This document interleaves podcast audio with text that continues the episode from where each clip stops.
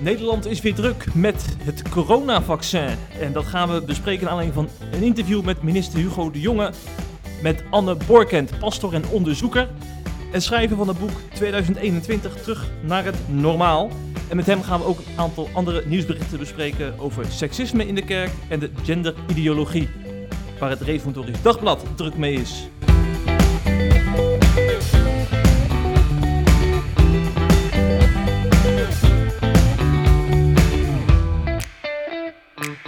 Anne, mooi dat je hier bent.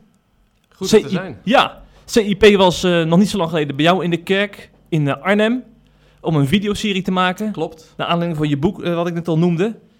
Jij bent pastor in Arnhem, hè? Ja, van, klopt, ja. Van de ja. Rivers Arnhem, Church. Arnhem en Nijmegen en onze kerk heet C3 Rivers. Ja, Ja, ja, ja. het rivierengebied. Kijk, super. Ja, een mooi gebied, hè? Ook om op vakantie te gaan, want binnenkort gaan we natuurlijk weer met de camper op pad. Absoluut. Mensen zijn van harte welkom. ja.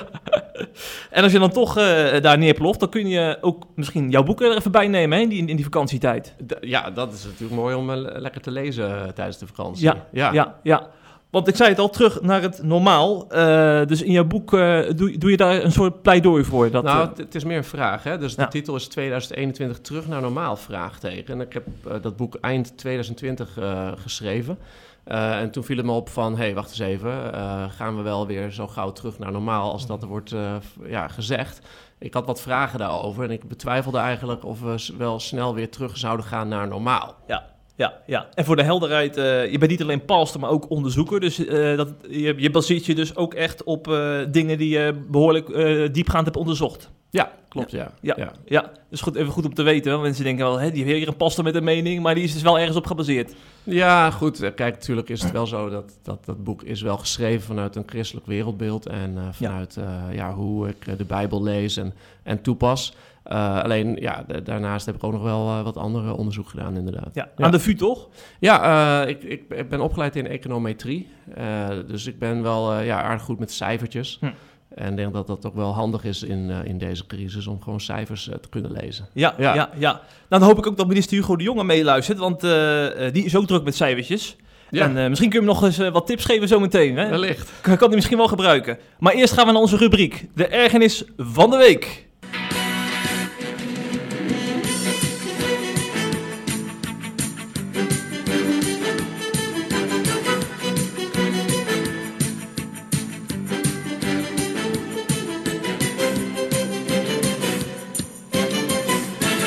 Want zoals we gewend zijn, eh, bespreekt onze gast wekelijks een, eh, een ergernis uit het nieuws. En jouw oog viel deze week ook op een nieuwsbericht, eh, Anne. Klopt, ja. Dat is een nieuwsbericht op RTL Nieuws. Vandaag verschenen. En de titel van het bericht is... Werkt een campagne tegen vloeken? Vraagteken. Gedrag veranderen kost jaren. Nou, en dat is een, een campagne. Je ziet ze misschien in de bushokjes. Daar hangen posters eh, met het woord Jezus of het woord kanker. Oh. En eh, de posters zijn van de Bond tegen het Vloeken. En eh, ja, laten dus zien van dit is, zijn geen fijne woorden om te zeggen en om als vloek te gebruiken. Dus ik vind het een hartstikke goede campagne. Alleen ja, waar ik me dan aan erger als ik dit nieuwsbericht dan lees, is dat, dat, dat die hele campagne eigenlijk onderuit wordt gehaald. Eh, een vloek verbannen is heel moeilijk, zeggen kenners. Eh, en, eh, en eigenlijk geven ze aan van dat, je, dat, dat mensen het nodig zouden hebben om te vloeken. En ze maken ook een verschil tussen het woord kanker en het woord Jezus. Want als je het woord kanker zou zeggen als vloek, ja, dat snappen mensen wel dat je dat niet mag zeggen. Alleen, ja, wie volgt tegenwoordig nog Jezus? Dus dat vinden veel minder mensen een probleem om de naam Jezus als vloek te gebruiken. Dus een Ja. duidelijke antichristelijke agenda die ik daarin Ja. eh, in zie. Eh, en ook iets wat ik eigenlijk denk van wat jammer dat ze het niet positief belichten. Hm. Van, eh, dat, dat we dit soort woorden gewoon uit ons vocabulaire gaan schrappen als vloekwoord. Maar wel- wat voor mensen zijn dat al die die commentaren uiten op die campagne? Eh, ja, dat zijn, eh, even kijken hoor, Eh, dat, dat zijn ehm, wetenschappers, taalwetenschappers Ja, en, ja. en bepaalde kenners die worden aangedragen. Alleen ik vind het gewoon jammer dat dat RTL Nieuws eigenlijk aangeeft van ja, deze campagne heeft eh, geen zin. En in plaats van dat ze daar een positief geluid Hmm. over laten horen, Ja. hè, dat ze dat meteen eh, onderuit eh, schoffelen. ja, een beetje makkelijk zou je kunnen zeggen. Ja. Ja, ja, ja. Aan de andere kant, de campagne heeft daardoor wel aandacht gekregen. Dat Ook wel al is zo. misschien op een die manier die ze Bond tegen Vloeken niet wil. Want ook nu hebben we het er weer over. Daarom, ja.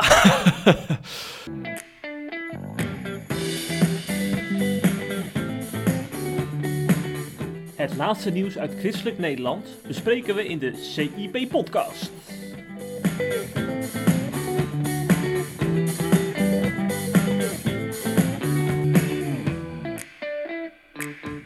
We gaan naar ons hoofdnieuws. En eh, eh, ja, dat nieuws staat onder andere in het Nederlands Dagblad. Want Hugo de Jonge, onze minister, coronaminister, die is eh, niet alleen door het ND geïnterviewd, zag ik, maar ook door het Reformatorisch Dagblad. Dus het lijkt erop dat hij voor christelijk Nederland een boodschap heeft in deze nieuwe fase van corona.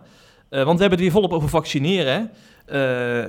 De Hugo de Jonge die moedigt ook mensen die principiële bezwaren tegen vaccineren hebben aan om toch eh, zich over te halen. Eh, want hij is best wel stellig ook. Hè? Eh, het Mhm. is volgens hem of ziek worden of vaccineren. Ja. En een aantal uitspraken uit het interview met het Nederlands Dagblad gaan wij even doornemen. Yes. Want ik ben heel erg benieuwd naar jouw duiding daarop. Ik ga maar gewoon met die eerste van start, de eerste uitspraak. Hugo de Jonge zegt dit in het Nederlands Dagblad. Onze aanname is dat ook in bepaalde evangelische kringen, hè, waar jij bekend dus bent, de vaccinatiegraad achterblijft. Dat is statistisch moe- moeilijk in beeld te krijgen, maar het is wel wat ik hoor. In evangelische kring speelt niet zozeer het thema van de voorzienigheid, hè, wat je in de reformatorische kring meer hebt, maar meer de angst voor een overheid die te veel, te veel grip op ons leven krijgt. Eerst, ik, ik stop even hier. Mhm. Want he- herken jij eh, dit? Eh, jij bent bekend, bekend in evangelische kring. Is daar veel angst voor een overheid? Nou, ik, ik denk niet dat er per se een angst is voor een overheid, want dat is natuurlijk wel meteen weer een heel groot woord.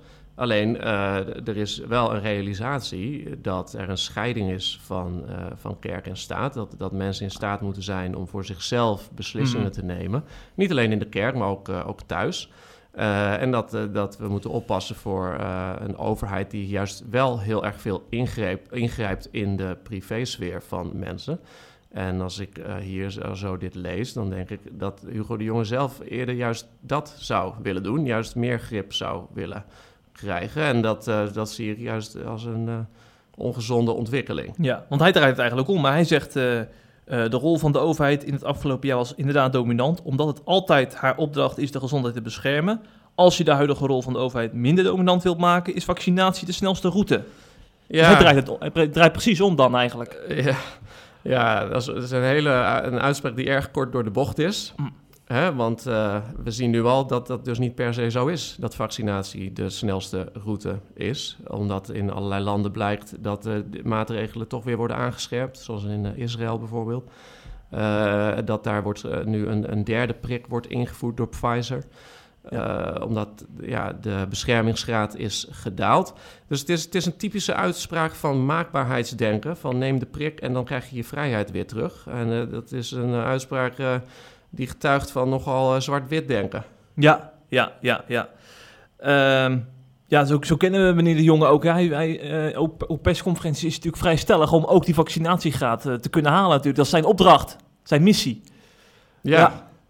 Zullen we nog eens een tweede uitspraak erbij nemen? ja. Ehm, ik vind, dan, dan reageert dus op een vraag in het Nederlands Dagblad over, van, eh, over dominees die vraagtekens zetten bij, eh, bij het coronavaccin, die dus kritisch zijn, ook naar een gemeente toe. Mhm. En dan zegt hij dat hij dat onverstandig vindt en ook heel onverantwoordelijk. Hm. Laat ik het maar gewoon zo noemen. Het lift mee op een golf aan desinformatie. Het lijkt me niet dat het aan voorgangers is daaraan mee te doen. Verspreid het woord, verspreid geen desinformatie. En verspreid al helemaal niet het virus. Laten we hier even een pauze zetten, want die zit al heel veel in, in deze quote. Mhm. Jij schudt je hoofd.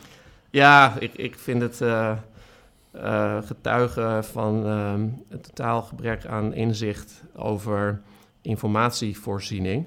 Eh, en eh, hij zegt, het lijkt me niet dat het aan voorgangers is om mee te doen aan, aan desinformatie. Hmm. Maar wat wel zo is, is dat het is wel aan een minister van Volksgezondheid om mee te doen aan het geven van alle informatie. En de informatie die tot dusver wordt verstrekt, gaat alleen maar één kant op. Eh, hè, dus dit is een typisch voorbeeld van de pot verwijt de ketel dat hij zwart ziet. Maar wat mis je dan in de in huidige informatiestroom vanuit de overheid dan, bijvoorbeeld? Nou ja, hè, Hugo de Jonge die, die geeft uh, heel duidelijk aan, bijvoorbeeld. Hij is heel stellig over dat soort dingen. Hij zegt, er zijn geen lange termijn effecten. Nou, dat, hm. dat is, ik bedoel, uh, hij, is, uh, hij is minister van Volksgezondheid. Dat is überhaupt al, al bijzonder. Hè? Hij heeft geen achtergrond in, in, in, geneeskunde of wat dan ook. Hij kan dat niet zeggen, dat er geen lange termijn effecten zijn. Want als je naar de geschiedenis kijkt, hè, bijvoorbeeld uh, de Mexicaanse griepvaccin. Ja, dat is een fiasco eh, geworden, twaalf jaar geleden. En, en, toen werden eigenlijk precies dezelfde soort dingen gezegd aan de voorkant van dat gebeuren. toen werd er gezegd, neem het vaccin, het is veilig, er zullen geen nadelige effecten zijn.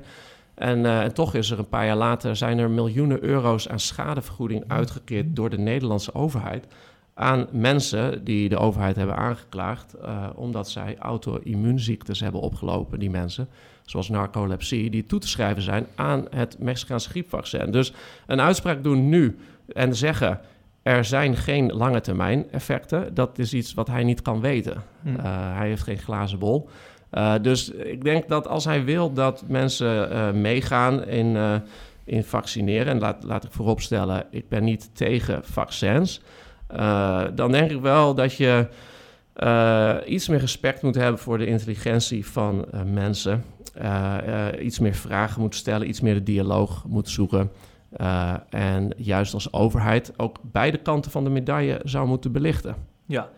Ja, ik denk dat het ook alles te maken heeft met die missie hè, waar hij mee bezig is, van uh, die vaccinatiegraad. Uh, Want als je dan inderdaad ook die voor's en tegens gaat schetsen op een persconferentie, dan ga je natuurlijk nooit die graad halen. Want dan ga je ook mensen die twijfelen niet overhalen.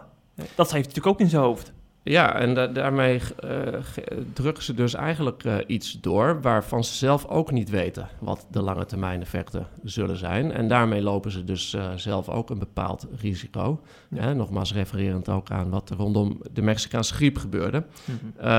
en dus ik denk dat, dat er veel breder gekeken zou moeten worden naar een risicoanalyse gemaakt zou moeten worden. Hè? Want om eerlijk te zijn, als we tieners moeten gaan vaccineren die nul risico lopen op uh, corona, ja, dan denk ik dat uh, de balans ver te zoeken is.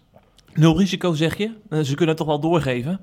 Op die leeftijd wel? Ja, dat wordt er dan gezegd. Hè? Ze kunnen het doorgeven. Alleen wat blijkt nu? Zelfs mensen die gevaccineerd zijn, kunnen het virus gewoon doorgeven. Ja, dat blijkt bijvoorbeeld nu in Israël. Dus wat het vaccin wel doet, is dat het ziekteverschijnselen vermindert. Hè? Dus mensen die eerst misschien in het ziekenhuis terecht zouden zijn gekomen met ernstige ziekteklachten. Uh, die mensen die komen nu niet of minder in het ziekenhuis. Alleen kinderen kwamen sowieso al niet in het ziekenhuis. Hè, dus uh, waarom dan kinderen vaccineren met een vaccin waarvan de lange termijn effecten nog niet bekend zijn en met een, een technologie, gebruikmakend van een technologie, mRNA-technologie, die nog nooit eerder uh, op grote schaal in vaccins is toegepast? Daar heb ik grote vragen over. Ja, ja, ja mensen die nu op de lijn van Hugo de Jonge zitten en jou nu horen praten, die zullen nu zeggen van, uh, ja, maar op deze manier komen we natuurlijk nooit uit de crisis, hè, als, je, als, als we niet met z'n allen uh, dat vaccin gaan halen. Ja, dus dat is het grote maakbaarheidsdenken, uh, wat, en dat, dat is echt een, ja, daar zit echt een fout in, denk ik, om zo te denken. omdat mensen daardoor op het verkeerde been worden gezet. Ze hm. denken, oh, als ik me laat vaccineren, dan komen we uit de crisis. Als ik me laat vaccineren, hè, dan kan ik weer reizen, dan kan ik weer naar de club. Dan kan ik weer allerlei dingen doen. Uh, en wat blijkt, uh, ja, de wereld is helaas niet zo maakbaar zoals Hugo de Jonge voorschotelt. in Israël bijvoorbeeld, daar wordt nu gepleit voor een derde prik omdat de beschermingsgraad van Pfizer gedaald is van 95% naar 68%. Daarnaast zien we dat waar velen al voor gewaarschuwd hebben, ook nu gebeurt. En dat is dat um, het virus zodanig muteert dat de huidige vaccins steeds minder bescherming bieden. dus de huidige koers volgend van Hugo de Jonge en consorten zou je dan in feite elke zes maanden uh, mensen moeten blijven vaccineren. Uh, en ja, daarmee zie je dus dat, dat we dan uh, een kant op gaan die dus ja. veel minder maakbaar is dan wordt voorgeschoteld. Mm -hmm. Ja. Ja, je vertelt alle informatie die ik zou graag als burger van dit land zou willen weten. Uh, maar waar ik dus via de kanalen die Hugo de Jonge gebruikt niet te weten kon. Dat vind ik toch wel kwalijk dan. Nou ja, en dat is dus het probleem wat ik hier wil uh, aanduiden. Is dat de informatievoorziening alleen maar eenzijdig is, die vanuit de overheid komt. En dat, dat je dus zelf moet gaan uh, achterhalen door uh, te kijken naar andere landen bijvoorbeeld. En door de cijfers erbij te, te pakken, die overigens wel worden gepubliceerd door de overheid. En, en, dan erachter komt, hey, hoe zit het nu werkelijk? Ja. En ook door te luisteren naar uh, wetenschappers uh, en medici, zoals uh, professor Jan Rancian van de, de, Universiteit Twente. Een vermaard hoogleraar en hartchirurg. Die ook ja, grote vraagtekens zet bij de manier waarop nu de informatievoorziening plaatsvindt. En die ook heel duidelijk aangeeft dat uh, ja, vaccins uh, niet heiligmakend zijn. Hm. Hè? En dat een virus altijd muteert. En dat als een virus muteert, dat die dan wel misschien meer besmettelijk wordt, maar niet meer dodelijk. Hm. En dat soort dingen die worden gecensureerd. Zijn video is uh, van YouTube afgehaald. Zo, ja, ja. Nou, we dachten dat we de vrijheid eh, van meningsuiting hadden, maar dat, is, dat valt dus blij als tegen. Ja, en dit is niet een wappie, dit is niet een ja. uh, uh, zolderkamerpersoon. Nee, dit is een hoogleraar, vermaard internationaal hartchirurg. Mm -hmm. Ja. Zullen we er nog eens een uitspraak van Hugo de Jonge bij nemen? Ja. Ik zou bang zijn voor de lange termijn effecten van corona, zoals long covid. Je weet niet of je bij de groep coronapatiënten zit die deze aandoening krijgt. Die, die wordt geschat op tussen de 5 en 10 procent. Dat zijn patiënten die voor langere tijd ernstige gevolgen ondervinden en bijvoorbeeld niet meer naar hun werk kunnen en niet meer kunnen sporten. Er is geen, geen enkele reden om aan te nemen dat er een nadelig lange termijn effect van vaccinatie zou zijn. Met andere woorden, door op long covid te wijzen wil je ook uh, mensen aansporen om te vaccineren. Ja, dat vind ik dus heel bijzonder. Dat hij, uh, dat hij dus blijkbaar weet dat er geen lange termijn effecten van uh, vaccinaties zijn. Uh, dat is eigenlijk wat ik net al aan uh, Hij weet meer dan de kennis daarmee, zeg je eigenlijk. Ja, hij kan dat niet weten. Hè? Hij heeft geen glazen bol. en hij negeert de geschiedenis wat er rondom de Mexicaanse griepvaccin is gebeurd. Ehm, en daarnaast schermt hij met getallen waar ik mijn vraagtekens bij heb. Uh, hè, uh, hij zegt dat uh, tussen de 5 en 10 procent van de coronapatiënten dit krijgen. ja, wat, wat bedoelt hij precies met een coronapatiënt? Is dat iemand die in het ziekenhuis heeft gelegen of is dat iemand die positief getest is? Hè, daar, zijn, daar zitten nogal wat verschillen tussen. Als ik in mijn omgeving kijk, zie ik heel wat mensen die corona hebben gehad of positief getest zijn. En ken ik persoonlijk niemand die long covid heeft. Ik ken wel uh, de verhalen van, van mensen uh, die, die, dat hebben. Ze zijn zeker, deze mensen bestaan zeker. Alleen of dat echt tussen de 5 en 10 procent is, dat, dat betwijfel ik. Die cijfers die heb ik nog niet gezien. En ook wat ik uh, wel jammer vind aan deze uitspraak, is dat het focust op de angst van mensen. Hè? Hij zegt, ik zou bang zijn voor de lange termijn effecten van hm. corona. Er wordt vaak geschermd met, met, met angst. Uh, ook bijvoorbeeld uh, angst voor uh, de Britse variant. Ik weet niet of mensen dat nog herinneren. Eind maar vorig jaar, ja. In, ja, dat was januari. toen is de avondklok ingevoerd. Ja. En ja, je kan nog de fragmenten terugzien van de politieke vergaderingen daarover.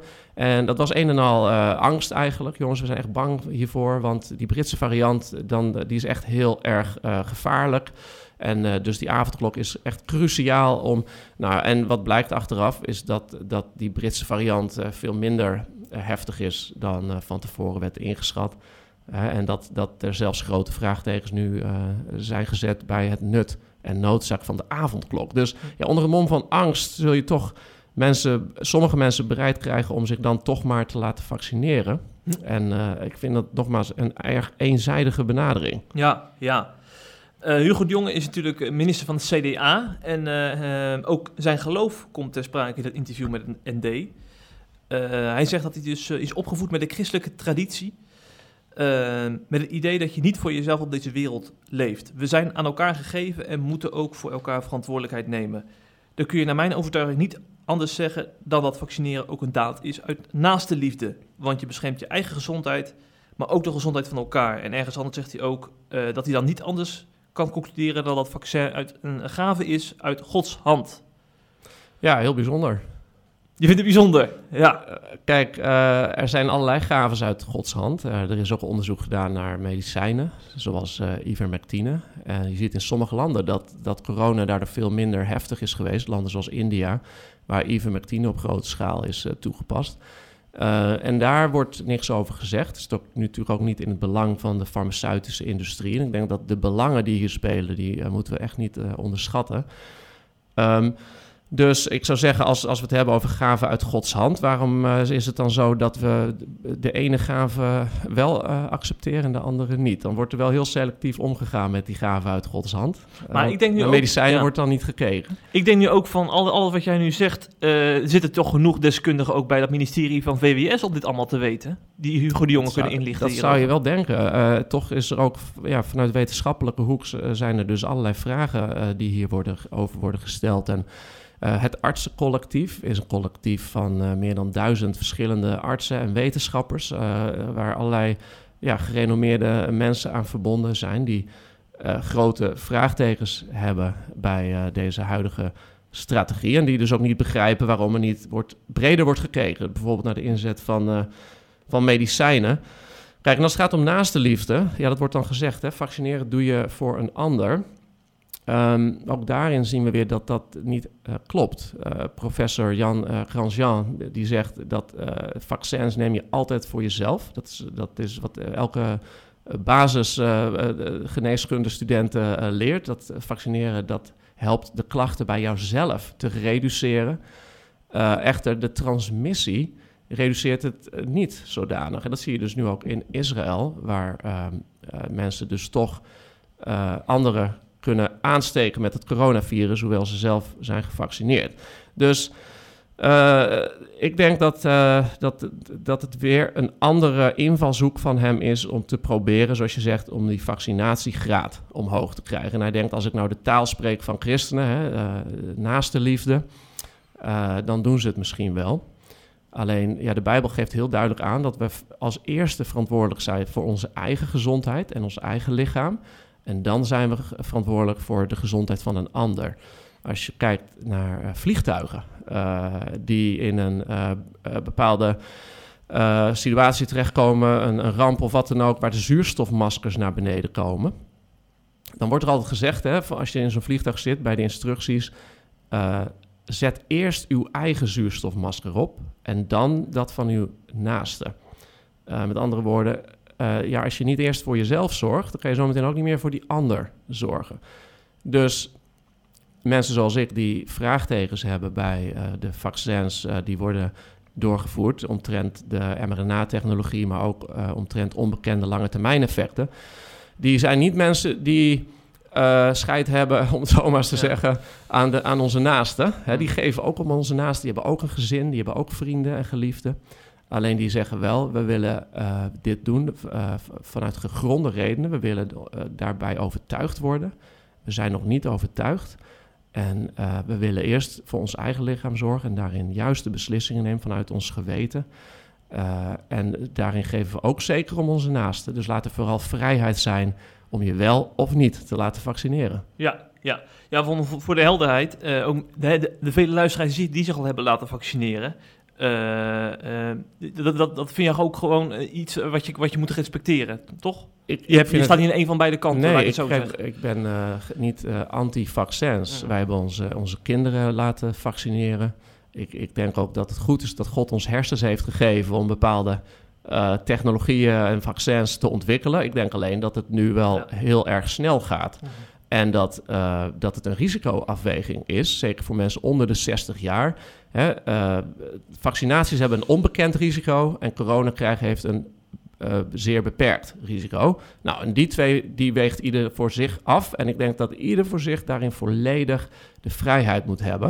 Ik vind alleen wel dat er erg veel indoctrinatie plaatsvindt richting je wel laten vaccineren. En dat er polarisatie plaatsvindt een tweedeling in de maatschappij waarbij mensen die zich niet laten vaccineren makkelijk als zondebok worden aangewezen. Hm. Uh, en dat, dat vind ik niet, uh, niet goed, niet gezond en eerlijk gezegd ook schandalig. Hm. Hm, ja. ja, vooral die polarisatie, dat vind ik wel een dingetje hoor. Maar je merkt ook bijvoorbeeld in, in vriendenkringen of in familie, uh, bij familieverjaardagen... Uh, dat je toch een soort van moet verdedigen. Hè? Als, je, als je niet daarin meegaat, terwijl je gewoon eigenlijk misschien zelfs gewoon wil wachten. Je hebt helemaal niet echt een keuze gemaakt. Het is inderdaad vrij raar hè, dat de vraag, is niet de vraag die gesteld wordt is niet... hey, laat jij je ook vaccineren? Of wat denk jij over vaccinaties? De vraag die vaak gesteld wordt is, ben jij al gevaccineerd? Dat is de vraag, ja. Ja. En eh, dus nogmaals, het gaat allemaal eh, één kant uit. En eh, dus je moet best wel sterk in je schoenen staan Mm. als, je, als je zegt, nou weet je wat, ik krijg de kat nog even uit de boom. Zo sta ik erin. Ik, ik zeg niet, ik doe het niet. Ik zeg alleen, ik doe het nog niet. Ik kijk liever eerst de kat uit de boom en... en dat, daarvoor moet net zoveel ruimte zijn. En dat betekent niet meteen dat je niet geeft om je naaste. Ja, ja. Heb jij trouwens enig idee wanneer die lange termijn effecten dan wel bekend zijn? Moeten we er nog een jaar op wachten, bij wijze van spreken? Of? Nou, je ziet dus dat bij bijvoorbeeld de Mexicaanse griepvaccins... dat dat eh, na vijf jaar, vijf tot tien jaar Oh, zelfs, dat de zo. dingen gingen spelen. Maar ja, ik, ik, ik denk zelf, voor mezelf heb ik eh, eh, bepaald... dat, dat het aantal jaar niet verkeerd is. Hè, en daarnaast is het nogmaals een risicoafweging... van hoe groot is nou eigenlijk het risico op... Het, wat, wat, wat kan er gebeuren wanneer je wel corona krijgt? En eh, ik ben ook iemand, als ik ziek blij- eh, ben, blijf ik thuis... Hè, ik ga respectvol om met anderen. Ik hou afstand van wie dat wil. Ik, ik eh, schud standaard geen handen, tenzij iemand dat graag wil. Dus laten we vooral wel rekening houden met elkaar. Kortom, een beroep op, op ons gezonde verstand. Absoluut. Die we van God hebben gekregen. Juist. Zeg, we gaan nog een aantal kortere nieuwtjes bespreken. Eh, eh, want ja, in deze tijd, net voor de zomer, speelt er naast, naast corona heel weinig, eh, moet ik je zeggen. Als redacteur zijn we best wel aan het zoeken naar nieuws. Oké. Maar er zijn natuurlijk altijd wat van die tijdloze discussies, hè. En een van die discussies is bijvoorbeeld de discussie over LHBTI. Ja. En de vrijheid van onderwijs daarbij ook. Ja. Minister Arie Slob, die heeft daar vaak mee te maken. Demissionair minister, moet ik nu zeggen. Mhm. Eh, hij debatteer, onlangs debatteerde de Eerste Kamer over zijn burgerschapswet. eh, waarin het ook ter sprake komt hè, hoe je ook een veilige omgeving creëert voor mensen die LHBTI eh, zijn. En vorig jaar lag Slop natuurlijk onder vuur omdat hij stelling nam voor christelijke scholen die daar een eigen afweging in maken. Toen werd hij op matje geroepen hè, door collega-kabinetsleden. Ja. En dus is je daar ook nog eens op teruggekomen. Eh, maar eh, dat debat gaat dus maar door. En eh, nu is GroenLinks-senator Ruard Gansenvoort geciteerd in het Reformatorisch Dagblad. Mhm. Want Gansenvoort eh, heeft kanttekeningen geplaatst bij de manier waarop reformatorische scholen met LHBTI-jongeren omgaan. Hij vindt dat er te weinig veiligheid is en legt daar dus de vinger op. Ehm, en hij vindt het ook trouwens storend dat het Reformatorisch Dagblad, dat is natuurlijk de spreekbuis van Reformatorisch Nederland en ook van de SGP, dat, dat hij spreekt van genderideologie. Hij vindt het wrang dat de krant anderen buitensluit met de term genderideologie en als door een wesp gestoken reageert als een ander haar positie als ideologisch aanduidt. En vervolgens eh, eh, is, heeft het Reformatorisch Dagblad een hoofdredactioneel commentaar geschreven. Gansenvoort heeft daar weer op gereageerd en daar heeft die hoofdredacteur weer op gereageerd. En eh, conclusie is uiteindelijk dat ze van mening verschillen over het gebruik van genderideologie. Want Mhm. die hoofdredacteur zegt dat er echt sprake is van eh, een, eh, een aanval op het christelijk-orthodoxe denken hè, over huwelijk en seksualiteit. Dat je Ja. niet meer die, eh, eh, dat basisdenken mag uitdragen. Ja. En daarom gebruikt de krant ook die term genderideologie. Aan welke kant sta jij? Eh, heeft de RD de vrijheid om die term te gebruiken? Eh, absoluut. Sowieso is de RD een, een krant, dus eh, heeft daarin überhaupt vrijheid. En daarnaast denk ik dat, eh, dat ze de spijker op de kop slaan. Ja, ja want er is wel echt iets gaande eh, in die zin. Dat, er, dat, er, eh, dat de, de, de orthodoxe visie op huwelijk eh, niet meer wordt geaccepteerd.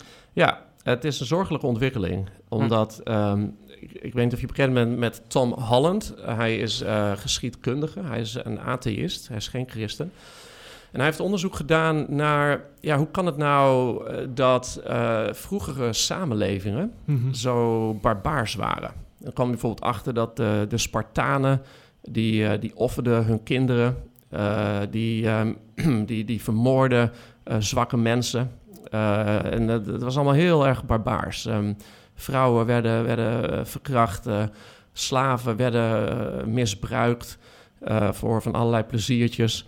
En ehm, Tom Holland die, die concludeert hoe kan het dat die samenlevingen, die barbaarse samenlevingen, uiteindelijk zijn veranderd in samenlevingen met bepaalde moraliteit, bepaalde waarden en normen? En zijn conclusie is, dit is een atheïst, hè, zijn Mhm. conclusie is, dit komt door de opkomst van het christendom.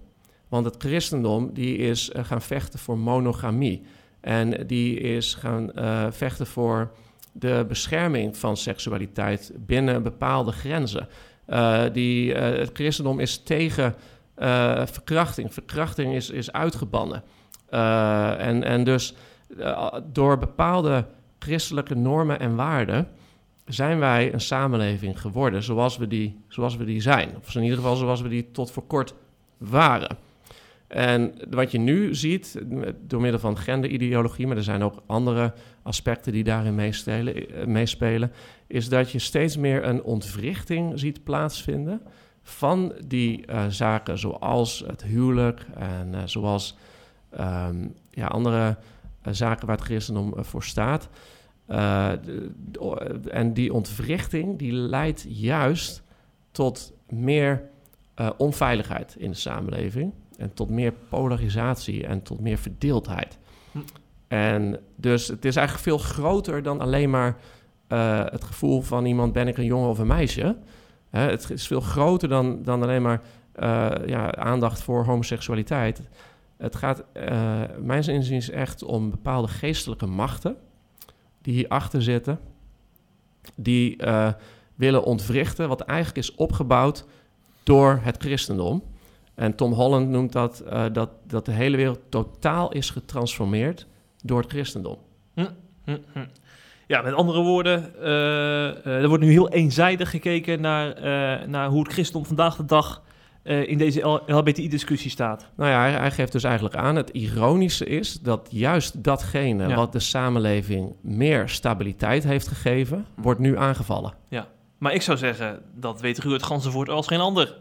Met al zijn wijsheid en inzicht. Dat zou je denken. Alleen, dat, ik, ja, ik heb daar toch mijn vragen over. Van, weet hij dat wel? Weet hij dat de huidige samenleving waarin wij leven... en de hele westerse wereld in feite... daar genieten wij de vrijheden die wij genieten... dankzij de invloed van het christendom en dankzij de invloed van de Bijbel. Want je ziet in samenlevingen waar de Bijbel niet is doorgedrongen... Uh, zoals Noord-Korea en zoals andere uh, landen, zoals China enzovoort daar zie je veel minder vrijheid. Dus hoe minder Bijbel je, je, eh, je ziet, hoe minder vrijheid. Ja. Hoe meer invloed van de Bijbel, hoe meer vrijheid. Mhm. Want Jezus zegt, je zult de waarheid kennen en die waarheid zal je vrijmaken. Dus overal waar waarheid gepredikt wordt, zal uiteindelijk ook vrijheid ontstaan. En dat heeft een positief effect op samenlevingen. Ja, en nu zie je dat er veel uh, leugens uh, verspreid worden. En dat ja, dat, dat het, uh, het christendom uh, niet meer de invloed heeft die het ooit had. En dat is uh, een zorgelijke ontwikkeling voor de stabiliteit van onze samenleving en voor de vrijheid die we nu genieten. Ja, ja. Om even die andere kant ook te benadrukken, want die discussie komt natuurlijk ook niet zomaar uit de lucht vallen. Ik kan me nog een artikel in NEC herinneren waarbij voormalig leerlingen van een revelschool, Gomarus, LHBTI-leerlingen, dat ze vertelden dat ze heel weinig uh, veiligheid ervoeren op die school. Hè. Dat er, er, werd ook gesprongen van gedwongen uh, coming-out, omdat uh, dat als een vertrouwenspersoon dat lekte naar de ouders bijvoorbeeld. dus zo'n burgerschapswet is natuurlijk ook bedoeld om voor die leerlingen een veilige omgeving te creëren, juist op school. Wat heel belangrijk is. Absoluut. En ik denk ook dat, dat we een verschil moeten maken tussen hè, wat ik net beschrijf. Dat, dat heeft echt te maken met uh, bepaalde geestelijke agenda's. En uh, daar, daar, ben ik echt aan het mm. uitzoomen op het grotere plaatje. Hè, waar, De vraag die je nu stelt, dat is meer een vraag waarin we inzoomen op individuele omstandigheden. Mm -hmm. en, en daarin denk ik dat je als school. Uh, vooral niet met dwang of drang moet gaan werken. Want alles wat ja, wat gedwongen is of waar mensen toe worden opgedrongen, ja, dat, dat werkt sowieso niet. En dat is sowieso niet, niet gezond. Ik denk daarin juist dat het belangrijk is om de dialoog aan te gaan en om uh, uh, ja, het gesprek aan te gaan met, met leerlingen. -hmm. Ja, ja. Die ganzenwoord die, die, die formuleert het als volgt. Het laten we ophouden met vijandbeelden en samen proberen onze jongeren de beste kansen te geven om op te groeien. Dat impliceert respect voor de waarden van de gemeenschap waarin ze opgroeien, maar ook voor hun eigen ontwikkeling, inclusief seksualiteit en genderidentiteit. Is het dan een oproep die je dan ondersteunt van Ganzenvoort? Nou, ik, ik, zie juist, ik zie het juist doorslaan. Ik zie dat, er een, uh, dat de dingen worden gecreëerd die, er, uh, die, die, die niet per se uh, noodzakelijk zijn om te creëren. bijvoorbeeld, er wordt aan kinderen van zes gevraagd: Weet je wel zeker of je een jongetje of een meisje bent? Hè? Dat, is, dat is de kant die het, die het opgaat. Dat, dat is wat, um, ja, wat nu ook in sommige schoolboeken verschijnt. Uh, dus de, de, biologische werkelijkheid wordt vervangen door een genderwerkelijkheid. En eh, ja, dat, dat vind ik een zorgelijke ontwikkeling. Mhm, mhm. En dat ziet het Reformatorisch Dagblad natuurlijk ook. Vandaar dat ze ook commentaren plaatsen met kritische kanttekeningen daarbij. Ja, En daar kan Ganswoord er ook weer op reageren in die krant. Dus dat is natuurlijk het mooie van de persvrijheid. absoluut. Dat het debat gewoon openlijk gevoerd wordt natuurlijk ja, ook. Hè? ah, zeker. Ja. En, en die, nog even één ding hierover. Die Steve de Bruin, de hoofdredacteur van het RD, die stelt dan wel ook eh, dat eh, de veiligheid van die LHBTI-jongeren niet ter discussie staat op christelijke scholen. Is dat dan weer niet te stellig? Hè? Want er zijn natuurlijk ook gewoon individuele gevallen waar we net al over hadden, waar hij het dan niet over heeft. Ja, nou ja, ik denk dat hij gewoon bedoelt dat het niet ter discussie zou moeten staan. Ja. Eh, en daar ben ik het toch helemaal mee eens. Mhm. Mhm. Ja, hij ook. Ik, daar kennen we hem goed eh, genoeg voor. Steve de Bruin, die, die onderschrijft dat volkomen. Ja. En laten we hopen dat het debat, het schriftelijke debatje tussen senator eh Ganzenvoort en de Bruin, dat, eh, dat ze dat ook dichter bij elkaar brengt. Hè? Want hoe meer gesprek hierover onderling, hoe beter. Hè? Ik, ik hou altijd niet van mensen die vooral over elkaar praten. Ik wil vooral dat mensen met elkaar praten. Daar ben ik het helemaal mee Dat, dat zou goed zijn. Ja, absoluut. Dat geldt trouwens ook voor eh, ons laatste item waar we het over gaan hebben, namelijk seksisme in de kerk. Een maand geleden deed het Nederlands Dagblad onderzoek onder eh, vrouwelijke predikanten. Ja. Zo'n 300 vrouwen hadden die vragenlijst ingevuld. En daaruit bleek dat 90% zich tijdens het werk in de kerk ongelijk behandeld voelt ten opzichte van de mannelijke collega's. En ruim de helft krijgt geregeld ongewenste opmerkingen over hun kleding of uiterlijk. Nou, daar hebben we het al eerder uitgebreid over gehad. Maar het nieuwe hieraan is nu dat eh, de voorman, of de, de prezes moet ik zeggen, van de protestantse kerk, dat is dominee Batenburg, die heeft hierop gereageerd. En, eh, want er is nu ook een beetje discussie, want in de PKN is natuurlijk vrijheid om eh, vrouwelijke ambtsdragers wel of niet toe te laten. Hè? Er zijn natuurlijk conservatieve kerken die dat geen bijbelse visie vinden, maar er zijn ook kerken die daar alle ruimte voor geven in de PKN. En eh, ehm, hij wil die koppeling duidelijk niet leggen tussen seksisme en het niet toelaten van vrouwen als ouderling of dominee. Ehm, eh, hij vindt dat, eh, dat mensen daar gewoon de vrijheid hebben om, om, om die beslissing te maken. Dat er geen seksistische gronden aan, geen seksistische motieven aan de grondslag hoeven, hoeven liggen. Ehm, vind je dat überhaupt eh, eh, kunnen dat zo'n onderzoek naar seksis- seksisme wordt gebruikt om, eh, om die discussie weer aan te wakkeren? Hè? Dat vrouwen wel of niet dominee of ouderling eh, moeten worden. Zie je daar een link tussen? Ik, ik denk dat dit een heel soortgelijk gesprek is als, als het vorige gesprek. Hè? Dus dat je ziet, als je uitzoomt, dan zie je dat er, ehm, dat, dat er soms bepaalde agenda's zijn en bepaalde geestelijke eh, ideologieën die mensen juist willen verdelen en polariseren. Dat zie je ook weer eh, hierin, van dat er bepaalde geesten, geestelijke machten zijn die willen juist eh, verdeeldheid brengen in de kerk, verdeeldheid tussen mannen en vrouwen. Terwijl ik denk juist, als mannen en vrouwen eh, niet verdeeld zouden zijn eh, hierin en, eh, en ons niet laten verdelen hierover, dan, dan zijn we wie God bedoeld heeft dat we zijn. Dat mannen vrouwen versterken en dat vrouwen mannen versterken. En dat we ons realiseren dat mannen en vrouwen niet gelijk zijn, maar wel gelijkwaardig. Dus eh, dat, dat is denk ik van het allergrootste belang om hierin te beseffen. En aan de andere kant, als je dan weer even inzoomt, dan, eh, ja, dan zijn er natuurlijk individuele gevallen die worden beschreven in dit onderzoek. Van, eh, van, dan zullen die er zijn van seksisme. En dat is niet, eh, niet gezond en daar moet zeker aandacht voor zijn. Ja, ja, ja. En dat, daarom heeft de PKN ook een werkgroep, hè. De werkgroep inclusiviteit en diversiteit. Dat is dan weer een beetje van die, van die brave termen. Maar we weten dat ze het goed bedoelen in ieder geval. Om, om, om hier zich ook over te buigen. Maar ik vind het altijd dan lastig dat we altijd zoveel werkgroepen in de kerk oprichten. Hiervoor Dan denk ik van, dit, dit kan toch ook gewoon een kwestie zijn van, eh, van eh, hè, gezond verstand. En überhaupt gewoon hier aandacht voor geven. Dan moet er weer een werkgroep worden opgericht.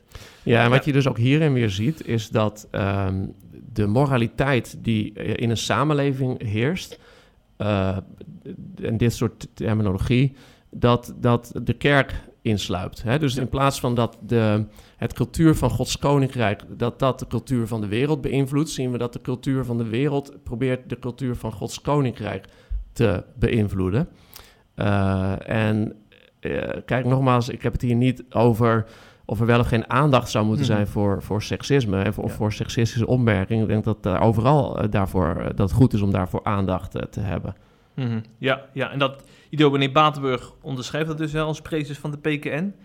En eh, hij zegt dus tegelijkertijd valt twijfelen aan iemands competenties op basis van seksisme ook onder de gangbare definitie van seksisme. Daar horen we in de kerk ook rekenschap van te geven. Vanuit dat perspectief begrijp ik goed dat vrouwelijke predikanten die niet los kunnen zien van de ambtsdiscussie. Je ziet ook dat hij echt naar die middenpositie zoekt. Aan de ene kant wil hij die kerken vrijheid geven met een conservatieve kijk op, uh, op deze kwestie. Aan de andere kant heeft hij, wil dus ook oog hebben voor uh, mensen die uh, daar moeite mee hebben, hè? dat vrouwen geen dominee kunnen worden. Ja, daar ben ik toch helemaal mee eens. Als, ja. als iemand geen positie zou kunnen krijgen op basis van geslacht, op basis van of ze een man of een vrouw zijn, dat, dat is heel raar. Aan de andere kant zie je dat nu ook weer doorslaan in de maatschappij, hè? dat er bepaalde quota worden gesteld. Van uh, we moeten zoveel vrouwen hebben op bepaalde posities. In plaats van dat er gewoon wordt gekeken naar wie is de beste persoon op dit moment voor deze positie. Ja, ja, ja, ja. Dus ook daarin kun je weer doorslaan. Ja, zeker, zeker. Ja, en uh, ook goed om te benadrukken, de PKN dat is een pluriforme kerk. Hè? Dus uh, er zijn kerken die wat conventionele, wat vrijzinniger zijn, waar die vrouwen in het ambt kunnen. En er zijn dus kerken die behoren tot Geef de Bond bijvoorbeeld, uh, die daar een hele andere uh, theologische lijn op hebben. En in die PKN staat het naast elkaar, dus geen kiezen tussen twee uh, wegen, zeg maar. Ja, dus, dus ik benijd zo die positie dan nog niet van, ja. van zo iemand die daarin een uitspraak moet doen. En ik vind het ook heel goed dat hij dan de middenweg probeert te kiezen. Ja. Om, om die beide groepen proberen te, te verbinden, inderdaad. Dat ja. is ook uitdagend natuurlijk. Dat is een spannende rol voor die dominee Batenburg in die zin ook, ja. Ja. Nou, de, trouwens... De, wat hier ook nog bij komt kijken, een economische vrouwensynode heeft een brief geschreven aan de PKN-voorman René de Reuver, dat is de Schiba. Dus uh, daar komt nog een vervolg hierop, op deze discussie over ja, hoe de PKN hierin staat. En of ze ook meer gaan doen dan alleen het gesprek voeren. Dus dat gaan we misschien nog na de zomer bespreken, daar zal nog wel meer duidelijkheid over komen. Jongen, dit zijn wel wel, het is geen luchtige onderwerpen waar we het over hebben, Anne. Zo zeg. En dat ja. midden in de zomer. ja. ja, je zit je dan in je t-shirtje te zweten over de LHBTI-kwestie en seksisme in de kerk. Ja, maar we gaan er dadelijk wel even tussenuit. We hebben volgende week nog een laatste podcast, de zomerpodcast met Patrick Simon, onze redacteur. Dan gaan we nog wat thema's bespreken en daarna gaan we er even tussenuit. Dan zijn we er drie weken niet. En dan gaan we even op ons lichtbedje bijkomen van al het nieuws wat we tot ons hebben genomen dit half jaar. Want uh, dat is niet mis geweest. En uh, de coronamoeheid die gaat ons ook uh, teisteren. Dus dat hopen we ook even naast ons te kunnen le leg leggen de komende weken. Heel gezond, even, even uitrusten. Even uitrusten, hè? Ja, ga jij nou nog op, op vakantie? Ja, zeker. Ik ja. ga naar uh, Zeeland, lekker uitwaaien. Okay. hopelijk mooi weer op het strand. Ja, nou, ik weet dat één iemand heel blij is dat jij de Zeelse economie daar gaat spekken. Dat is Patrick Simons, die woont daar. Ah. Ja, dus die zal, heel erg, die zal nog even naar je zwaaien dan als jij met je autootje langs Tolen Nou, rijdt. misschien kunnen we nog een kopje koffie drinken. ja. Bedankt voor je komst, Anne. En ik zou ook tegen de luisteraars willen zeggen: bekijk op cip.nl slash video nog even onze videoserie met Anne Borken die we hebben gehouden over uh, uh, corona en zijn boek. Kerksen in coronatijd komt ook heel uitgebreid aan bod, waar hij ook handreikingen in, meegeeft over hoe je daar uh, op een gezonde manier in kan staan. En lees ook ons schriftelijke interview hè, volgende week, wat we hierover gehouden hebben. Die gaat ook nog komen. Dus tot zover de mededelingen zou ik zeggen. En maak er nog een hele mooie week van. Fijne zomer.